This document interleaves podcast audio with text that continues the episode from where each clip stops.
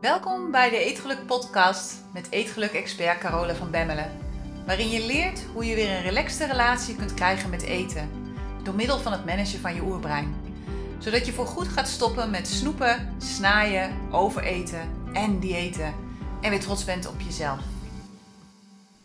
Dag mooie vrouw, deze week staat er weer een samenvatting, een highlight editie uh, voor je op de planning. En dat doe ik met name, je weet het inmiddels al wel, omdat ik het heel belangrijk vind dat je dingen gaat herhalen, dat je dingen vaker hoort, zodat ze op hun plek gaan vallen.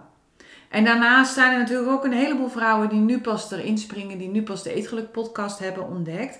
Als jij een van die vrouwen bent en je hebt zo'n brein dat zegt van, oh ik loop heel erg achter en ik ga het allemaal niet redden Pak dan de highlight podcast eruit. Want daarin maken we eigenlijk een samenvatting van een aantal belangrijke fragmenten uit uh, voorgaande podcast. Dus op die manier kun je heel snel uh, eventuele achterstanden, die er overigens niet zijn, maar waarvan je brein vindt waarschijnlijk dat ze er wel zijn, kun je inlopen. Dus in deze podcast, de highlights uit podcast 26 tot en met 30. Ga er lekker voor zitten en wij spreken elkaar volgende week weer. Tot dan dus vandaar dat ik een heel belangrijk credo heb ingevoerd in de universiteit en dat is me first. En het is niet me too en ook niet me only, maar dat is me first. Want me first is iets wat ontzettend belangrijk is, zeker voor ons als vrouwen. En nu zul je misschien denken, dat is egoïstisch, maar me first is niet egoïstisch. Weet je, het is veel egoïstischer als je niet leeft vanuit me first. Want wanneer je namelijk niet leeft vanuit me first, dan zorg je niet goed voor jezelf. En niet goed voor jezelf zorgen is super egoïstisch. En dan zul je denken, Carola, waar heb je het over? Juist goed voor jezelf zorgen is toch egoïstisch? Nee, het is precies andersom. Want wanneer je niet goed voor jezelf zorgt, kun je uiteindelijk ook niet goed zorgen voor anderen. Je kunt er dan niet zijn voor anderen op de manier zoals je er ook zou kunnen zijn dus wanneer je anderen altijd op nummer 1 zet en niet jezelf, maak je die ander verantwoordelijk voor hoe jij je voelt.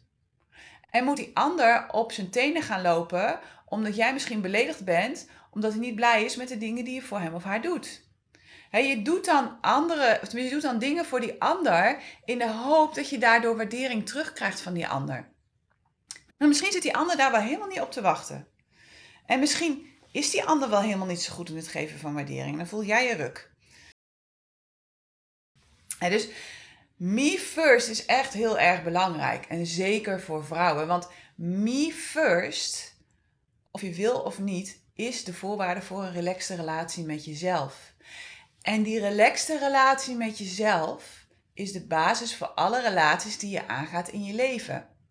Waaronder dus ook jouw relatie met eten dus jouw relatie met eten, de kwaliteit van jouw relatie met eten, heeft alles te maken met de kwaliteit van de relatie die je hebt met jezelf. dus denk daar echt niet te licht over en vergeet vanaf nu de gedachte dat het egoïstisch is om eerst aan jezelf te denken. En Me First gaat over heel veel dingen. Me First gaat over tijd inplannen voor jezelf. Me First gaat over hulp vragen als het moeilijk is. Of jezelf uit durven spreken naar de buitenwereld. Ook al ben je het er helemaal niet mee eens wat er allemaal gebeurt. Me First gaat over stoppen met vluchten. En het gaat over stapje voor stapje weer zelf aan het roer van jouw leven gaan staan. Het gaat over kijken naar jezelf vanuit liefde.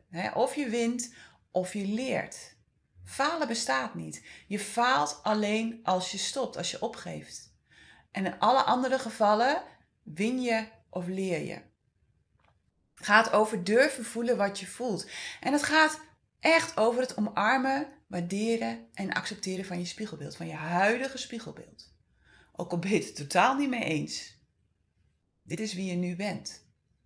Het gaat over tevreden zijn met wat er wel is en stoppen, vooral stoppen met dingen te goed of te mooi willen doen. Het gaat over weten dat je leuk bent zoals je bent. En het gaat over jezelf durven zijn. Iedere dag een stapje meer. Het gaat over jezelf niet meer overal verantwoordelijk voor voelen.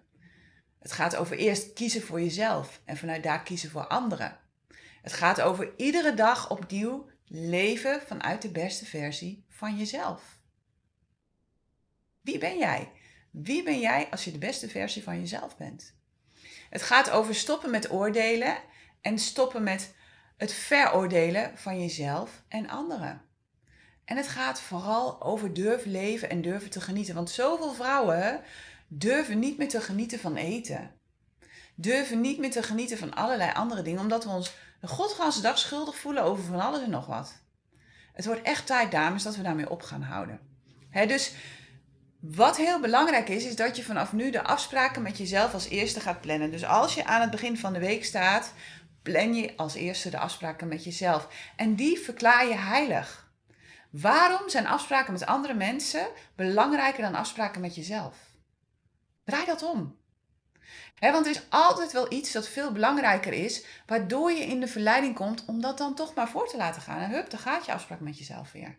Niet doen. Niet meer doen. En tegenwoordig zeg ik ook heel vaak, ik heb dan een afspraak staan. En dan zeg ik niet, het is een afspraak met mezelf. Maar dan zeg ik gewoon, ik heb een afspraak staan. En ik weet dan dat het een afspraak is met mezelf. dus laat niet langer dingen voor anderen voorgaan omdat je het graag goed wil doen, of omdat je graag aardig gevonden wilt worden, of omdat je bang bent voor wat men denkt als je nu nee zegt. Of omdat je bang bent dat mensen je zullen uitmaken voor egoïst. Laat ze. Laat ze ongelijk hebben. Jij weet hoe het zit. Jij weet nu dat het egoïstischer is om maar ja te zeggen tegen iedereen uit angst voor wat men vindt, dan om nee te zeggen omdat je dat voelt voor jezelf. En want het punt is dat al die keren dat je jezelf op plan B zet, dat je een gevoel van onvrede creëert in jezelf. En vanuit dat gevoel van onvrede zal je oerbrein in actie komen want jouw oerbrein wil maar één ding, dat is dat jij je goed voelt. Want als jij je goed voelt, dan ben je veilig. Dus je oerbrein zou willen dat je dat gevoel van onvrede oplost en zal je daardoor aanzetten om iets te doen om je beter te voelen. Nou, als je een ding hebt met eten, dan is de kans dus groot dat je jouw onvrede weg gaat eten. Dus het feit dat jij ja zegt terwijl je eigenlijk nee voelt, Zorg ervoor dat je op meerdere fronten nee gaat zeggen tegen jezelf. En uiteindelijk eindigt op de bank met een zak chips of een reep chocola. En daardoor nog harder gaat balen van jezelf. En daardoor dus nog meer gaat eten. En daardoor dus allerlei resultaten gaat creëren die je niet wil. Terwijl je dat zo makkelijk kunt voorkomen door eerlijk te zijn tegen jezelf en door eerlijk te durven zijn naar anderen. Dat is eng. Maar je zult zien dat het uiteindelijk helemaal oké is om nee te zeggen.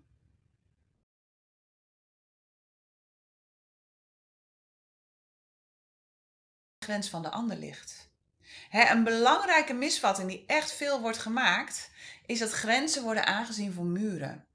dat wanneer je een grens stelt, dat je dan een muur optrekt waardoor er geen contact meer mogelijk is met die ander. Maar grenzen zijn geen muren. Grenzen zijn juist het tegenovergestelde. Want wanneer je nooit hebt geleerd om een gezonde grens te stellen voor jezelf, dan moet je uiteindelijk wel een onzichtbare muur bouwen of enorm van je af gaan bijten om je eigen ruimte te bewaken. En wat er dan vaak gebeurt, is dat je heel lang heel meegaan bent. we kennen allemaal die mensen. Ik heb het zelf ook jaren gedaan hoor. Ik was heel lang heel meegaan. Het maakt me allemaal niet uit. Ik vond alles wel prima. Nou, als jullie naar links willen, ga ik ook wel mee. Nou, naar rechts ook goed. Maakte me allemaal niet uit.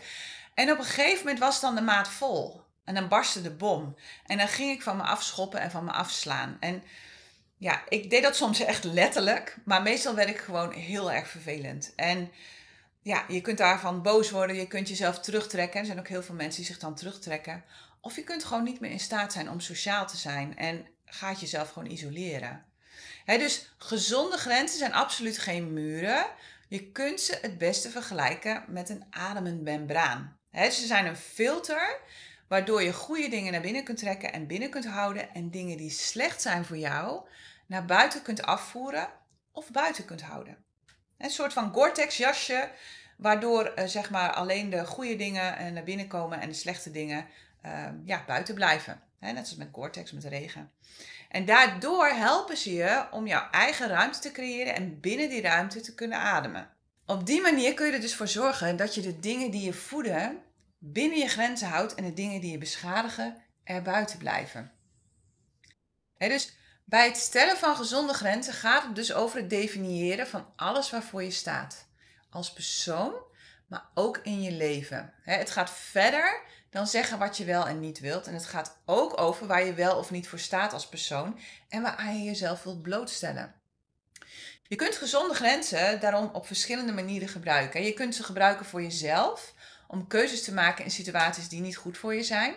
En je kunt ze gebruiken om duidelijkheid te creëren voor de mensen om je heen door ze uit te spreken. En dat laatste ben ik echt een groot voorstander van. dus waar het met het stellen van gezonde grenzen eigenlijk altijd over gaat, is dat je in eerste instantie eerlijk bent naar jezelf. En dat je verantwoordelijkheid gaat nemen voor jezelf en voor jouw leven. En daar waar de dingen nog niet lopen zoals je dat graag zou willen, is het dus heel belangrijk dat je jouw grenzen gaat onderzoeken. Want wanneer je gezonde grenzen stelt, dan betekent het automatisch dat je de verantwoording neemt voor jouw keuzes. Niemand anders dan jij is hiervoor verantwoordelijk. Punt is alleen dat we zo getraind zijn in wat we zouden moeten doen en hoe het hoort en wat men er wel niet van zou vinden, dat het voelt als liefdevol wanneer we dingen doen omdat we denken dat een ander dit verwacht. Maar wanneer je keuzes maakt vanuit schuldgevoel of omdat je het andere graag naar de zin wilt maken, dan krijg je daar altijd spijt van. Want je zult namelijk altijd moeten leven met de consequenties. Jij zult moeten leven met die consequenties en niet die ander. En jij bent degene die jezelf ervan weerhoudt om de keuzes te maken waar jij blij mee bent. hoe vaak neem je geen verantwoordelijkheid voor wat jij waardevol vindt en raak je daardoor verstrikt in wat anderen belangrijk vinden in plaats van dat je trouw blijft aan jezelf? Vaak uit angst voor afwijzing door een ander. dus het stellen van gezonde grenzen betekent dat je verantwoordelijkheid neemt voor jezelf en voor jouw leven en daarmee dus ook voor anderen. Want zodra jij jezelf niet meer afwijst, geef je die ander ook de gelegenheid om zichzelf te kunnen zijn. dus gezonde grenzen zijn ontzettend belangrijk, maar toch bestaan er ontzettend veel misverstanden over. Want veel mensen denken dat wanneer je grenzen stelt, dat je dan de verbinding met anderen verbreekt. En ook hier is het omgekeerde juist het geval. Want gezonde grenzen helpen je namelijk om goed voor jezelf te zorgen. Ze maken het makkelijker om de verantwoordelijkheid te nemen voor jezelf. En daardoor helpen ze je om fijne relaties met anderen te creëren. Juist omdat je exact weet wat je wel wilt en wat je niet wilt, kun je heel duidelijk zijn in wat je verwacht van de ander. En daarmee voorkom je misverstanden en weet die ander exact wat hij van je kan verwachten en wat niet. Nou, hoe fijn is het als jij vrienden om je heen hebt waarvan je weet van oké, bij die hoef ik daar niet mee aan te komen en bij die kan ik juist daar wel mee aankomen.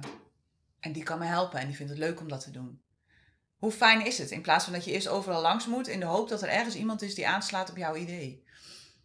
Dus wanneer je geen grenzen hebt of heel weinig grenzen hebt, dan is het zowel voor jezelf als voor anderen vaak heel onduidelijk wat ze van je kunnen verwachten. En je denkt dan misschien dat je heel flexibel bent door constant, ach ja, maakt me niet uit, is allemaal wel goed, door dat te zeggen. Maar voor die ander is dit vaak heel lastig. En hoe fijn is het als iemand zegt, dit wil ik wel en dit wil ik niet. We hadden gisteren ook weer met onze bonusdochter dat ik zei van, ja, wil je nou wel of niet frietjes? Ja, maakt me niet uit. En dan denk ik, ja, wat wil je nou? En dat is echt lastig. Dus wanneer je duidelijk bent in grenzen, wanneer je duidelijk weet wat je wel en wat je niet wilt, voorkom je misverstanden en weet die ander exact wat hij kan, kan verwachten van jou en wat niet. Dus wanneer je geen grenzen hebt of heel weinig grenzen, dan is het zowel voor jezelf als voor anderen vaak heel onduidelijk wat ze van je kunnen verwachten. En ja, dat is gewoon niet handig. We focussen op afvallen als een doel, maar afvallen is een resultaat. En dat resultaat, dat afvallen, kun je op twee manieren bereiken. Dat kun je bereiken op een fijne manier of op een vervelende manier.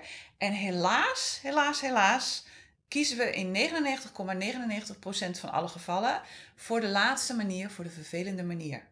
We kiezen ervoor om de strijd aan te gaan met onszelf en om vanuit jezelf haten om vanuit wanhoop, om vanuit boosheid in beweging te komen. En daar komt meteen een hele belangrijke les, want de energie van waaruit je in beweging komt, dat is de energie die je de hele weg zal begeleiden. En dat is ook de energie die je zult ervaren wanneer je jouw doel hebt bereikt. dus wanneer je in beweging komt vanuit jezelf haten of vanuit jezelf ongelukkig voelen met waar je nu staat, dan is dat hoe je jouw hele afvalperiode jezelf zult moeten voelen om in beweging te blijven. En dus op het moment dat het even niet gaat, dan zul je die haat weer op moeten roepen om weer verder te kunnen gaan. En dat maakt het zo zwaar. Want je houdt het misschien nog wel vol zolang je resultaten bereikt, maar geheid, er komt een moment, en iedere liner weet dat, en iedere notoire liner weet dat helemaal. Er komt een moment dat je lichaam een reset aan het doen is, waardoor de weegschaal een tijdje stil zal staan je valt af, je lichaam eh, moet alles weer even resetten en dan ga je weer verder. Dat zijn die plateautjes. En zodra je op zo'n plateau staat, dan wordt het dus moeilijk wanneer je komt vanuit een negatieve energie. Want wat er dan gebeurt is dat je in paniek raakt. Want oh shit, het werkt niet meer. En daar gaat het vaak verkeerd. Want omdat je komt vanuit een negatieve energie, denk je vaak dat je je beter zult voelen als je je doel hebt bereikt. En als je dan stilstand ziet, dan komt er paniek. Want dan betekent het eigenlijk dat het nog langer gaat duren voordat je je doel hebt bereikt. En dus nog langer gaat duren voordat je je goed gaat voelen. He, dus wees je daarvan bewust. En wees je er ook van bewust dat wanneer je niet in paniek raakt en toch door blijft gaan, dat het absoluut zeker verkeerd gaat wanneer je je doel hebt bereikt. Want wat er dan gebeurt is, is dat je de boog zo strak gespannen hebt gehouden al die tijd, dat je brein vindt dat je nu al wat verdiend hebt je hebt zo hard gewerkt, je hebt het zo goed gedaan. En voordat je het weet, ben je weer terug bij af. Want je brein zegt, joh, je kunt nu wel even wat nemen. Dat kan wel wel leiden. je bent 25 kilo minder, zit er echt niet meteen op hoor. Je hebt even een pauze nodig. dus waar het eigenlijk fout gaat bij iedereen die af wil vallen en bij iedereen die dus niet afvalt, dat zijn twee dingen. dat is een verkeerde focus, de focus op afvallen. En het is een verkeerde energie van waaruit je kiest te starten, namelijk een negatieve energie, een energie van jezelf haten. En hetzelfde geldt voor jou, voor je gewicht. Weet je, het verschil tussen jouw huidige gewicht en jouw gewenste gewicht, dat is de muur. Dus jij moet niet een muur bouwen, jij moet een muur afbreken. En het punt is dat je constant op die muur blijft focussen. Je ziet die hele muur en je denkt, shit, die moet in één keer, moet die muur weg. En daardoor wordt het zwaar. En daardoor denkt je brein dat het je nooit gaat lukken om van hier naar daar te komen. En dat ziet alleen maar het getal op de weegschaal. En vervolgens denkt het aan dat enorme gapende gat tussen jouw huidige gewicht en jouw gewenste gewicht. En raakt het in paniek. En al helemaal als het geen resultaat ziet op de weegschaal, omdat het dan denkt dat het nooit gaat lukken om die muur of die brug die nodig is om naar de overkant te willen komen, om die te bouwen.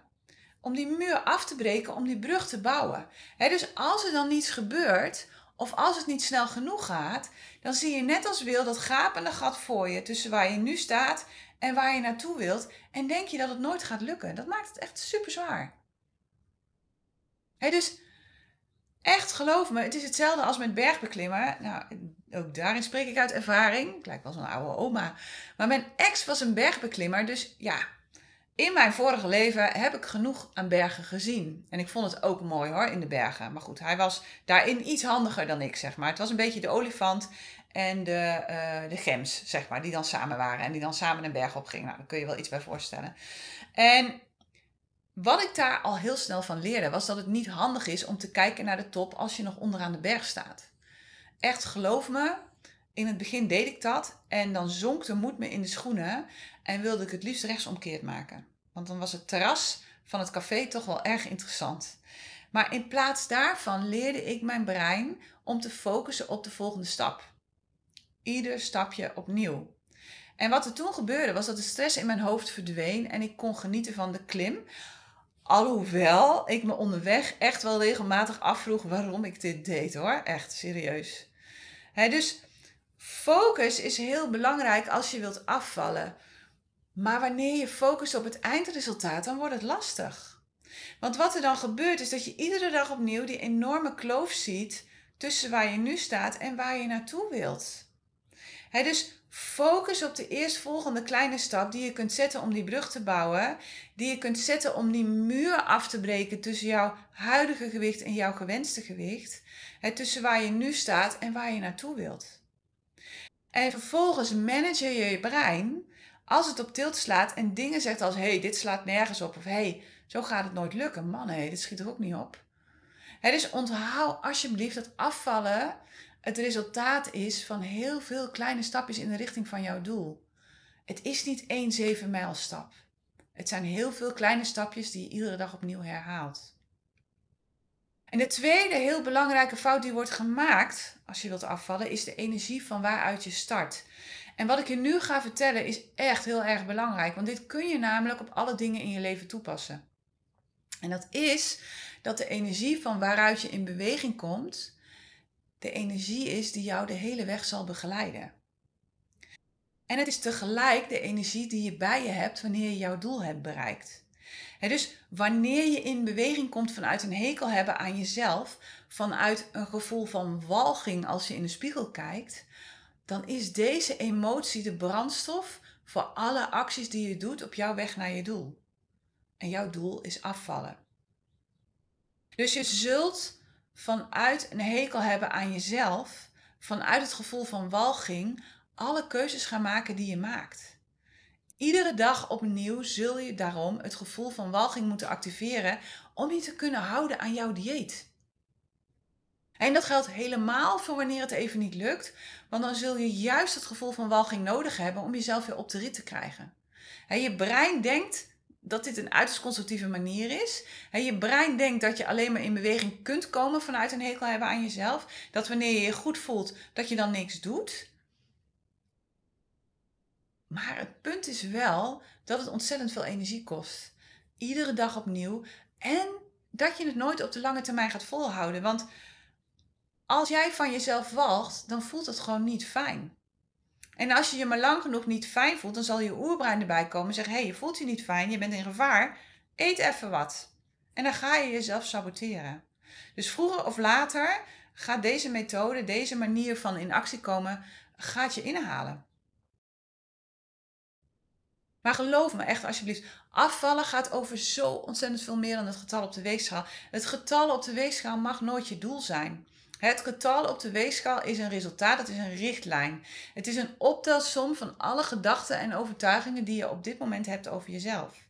Het is het getal op de weegschaal is een prachtige spiegel van de relatie die jij op dit moment hebt voor jezelf, met jezelf. Voor de mate waarin je me first toepast op dit moment in je leven. dus voordat je wilt gaan afvallen, is er iets dat eerst moet. En dat is dat je kritisch gaat kijken naar de relatie die je hebt met jezelf. dus alsjeblieft, ga stoppen met het denken in diëten en in kilo's, maar ga denken in liefde voor jezelf.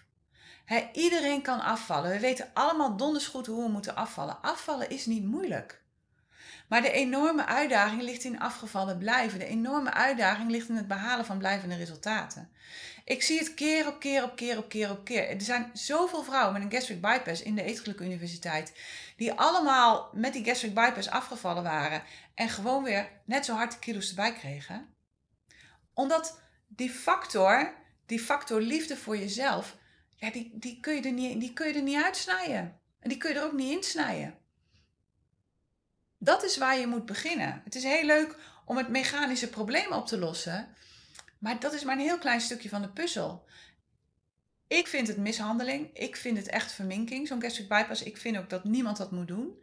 Begrijp dat mensen het doen, maar ik vind het niet handig. Omdat je gewoon een heel belangrijk deel van het eetgedrag, de drijvende factor achter je eetgedrag, die verander je er niet mee. dus het gaat tijdelijk gaat het wel goed, en misschien een jaar of vier, vijf, en daarna begint de ellende weer.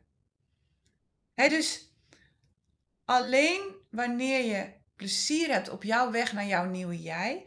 Alleen wanneer je komt vanuit liefde voor jezelf. Alleen wanneer je komt vanuit onderzoeken en vanuit spelen. Alleen wanneer je komt vanuit ontdekken wat werkt voor jou en wat niet. Is het mogelijk om blijvende resultaten te behalen? En is het mogelijk om, uh, ja, je brein te ontknopen, je brein te ontkoppelen van de overtuiging dat je een dieet nodig hebt om controle te hebben over jouw eetgedrag. Er was één vrouw, een prachtige vrouw, echt prachtige vrouw. En ik weet dat ze de podcast luistert, dus ik weet ook dat ze weet dat ik haar bedoel. En ze zei ook tegen mij, Carola, ben ik dik? Ik vond wel niet. Ik zag een prachtige volle vrouw. En zij vond zichzelf dik. En dat vond ik zo jammer en zo niet waar. En niemand is dik en niemand is dun.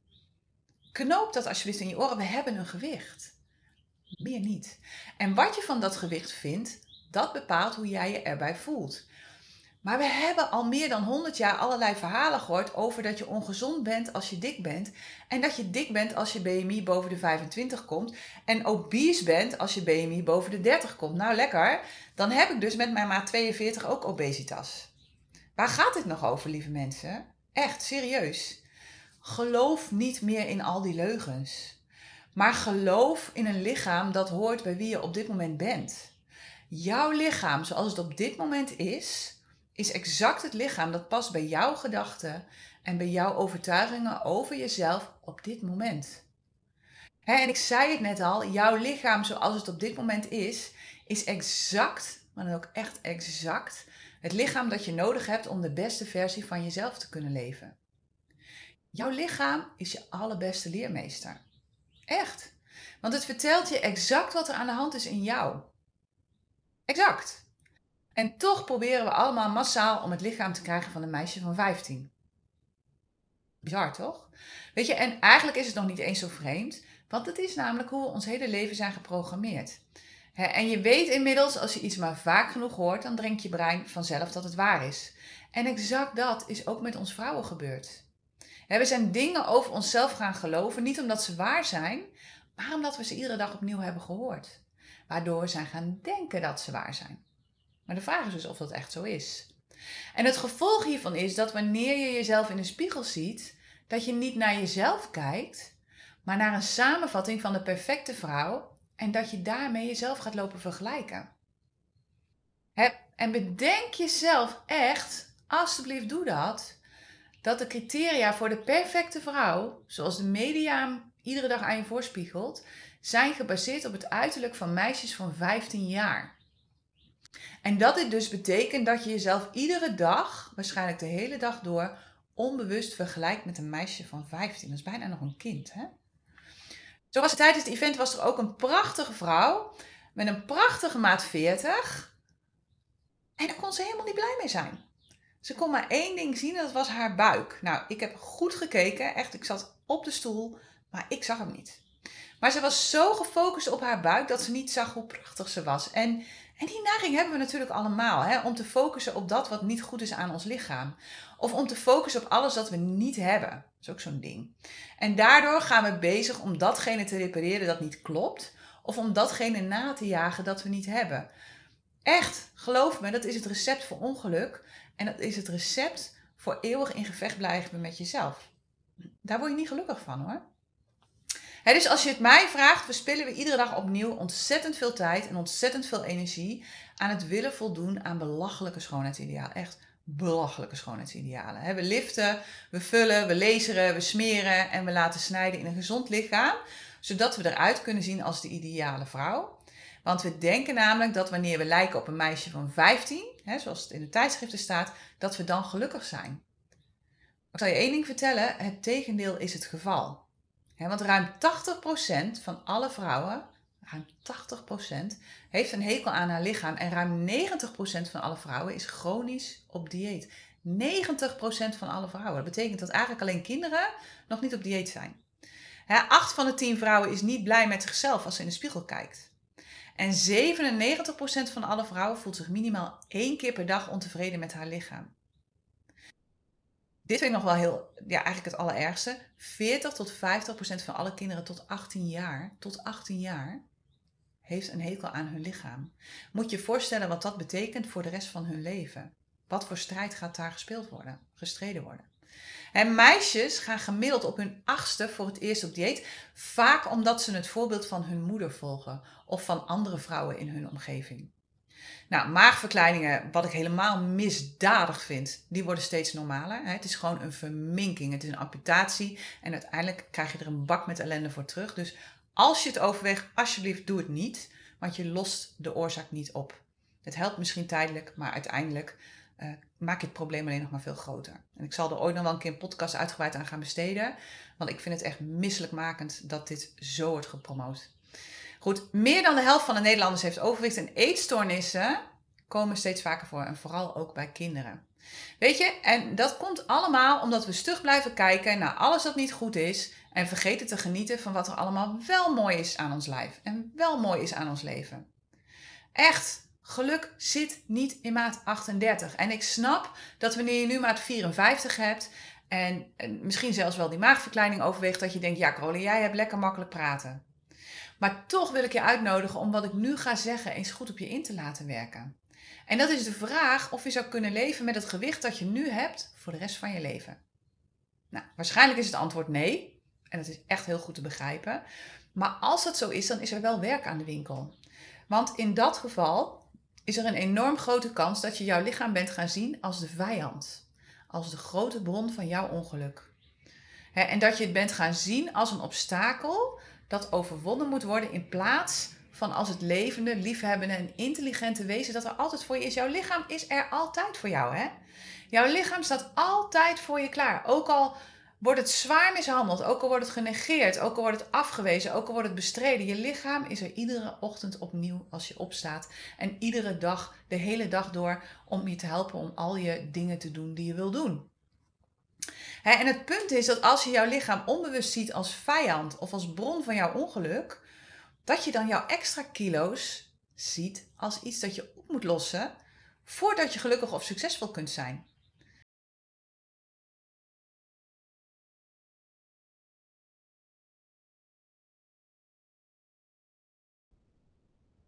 Hey, als je het fijn vond om naar deze podcast te luisteren, kijk dan eens naar de Eetgeluk Universiteit. Dit is de Netflix op het gebied van eetgedrag, waarin ik dieper inga alles dat ik deel in deze podcast. En waarin ik je leer hoe je dit kunt toepassen in jouw leven. En misschien wel het allerbelangrijkste, op jouw eetgedrag. Je vindt alle informatie op degelukkigeeter.nl. Het lijkt me super om jou daar te zien. Tot daar.